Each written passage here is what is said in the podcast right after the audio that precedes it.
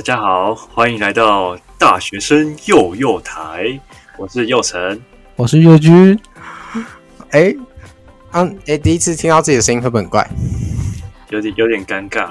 讲那个大学生幼幼台的时候，哦，哎哎，不是按你自己听到自己第一次听到自己声音的时候，什么时候？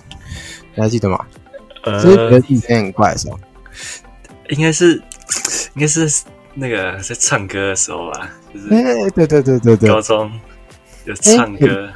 哦，因为因为我我到国我在国中的时候，可能就是音乐课啊，他就是会好像是期中期中考吧，就是每个人拿要拿麦克风上去唱，哇，结果哇一唱下去啊，原本自自自信满满歌声，整个就是直接毁灭，毁天灭地，就直接真的差很多，非常差非常多。太浮夸，我是觉得第一次听到，真的觉得不太一样啊，跟跟自己听起来的声音不太一样。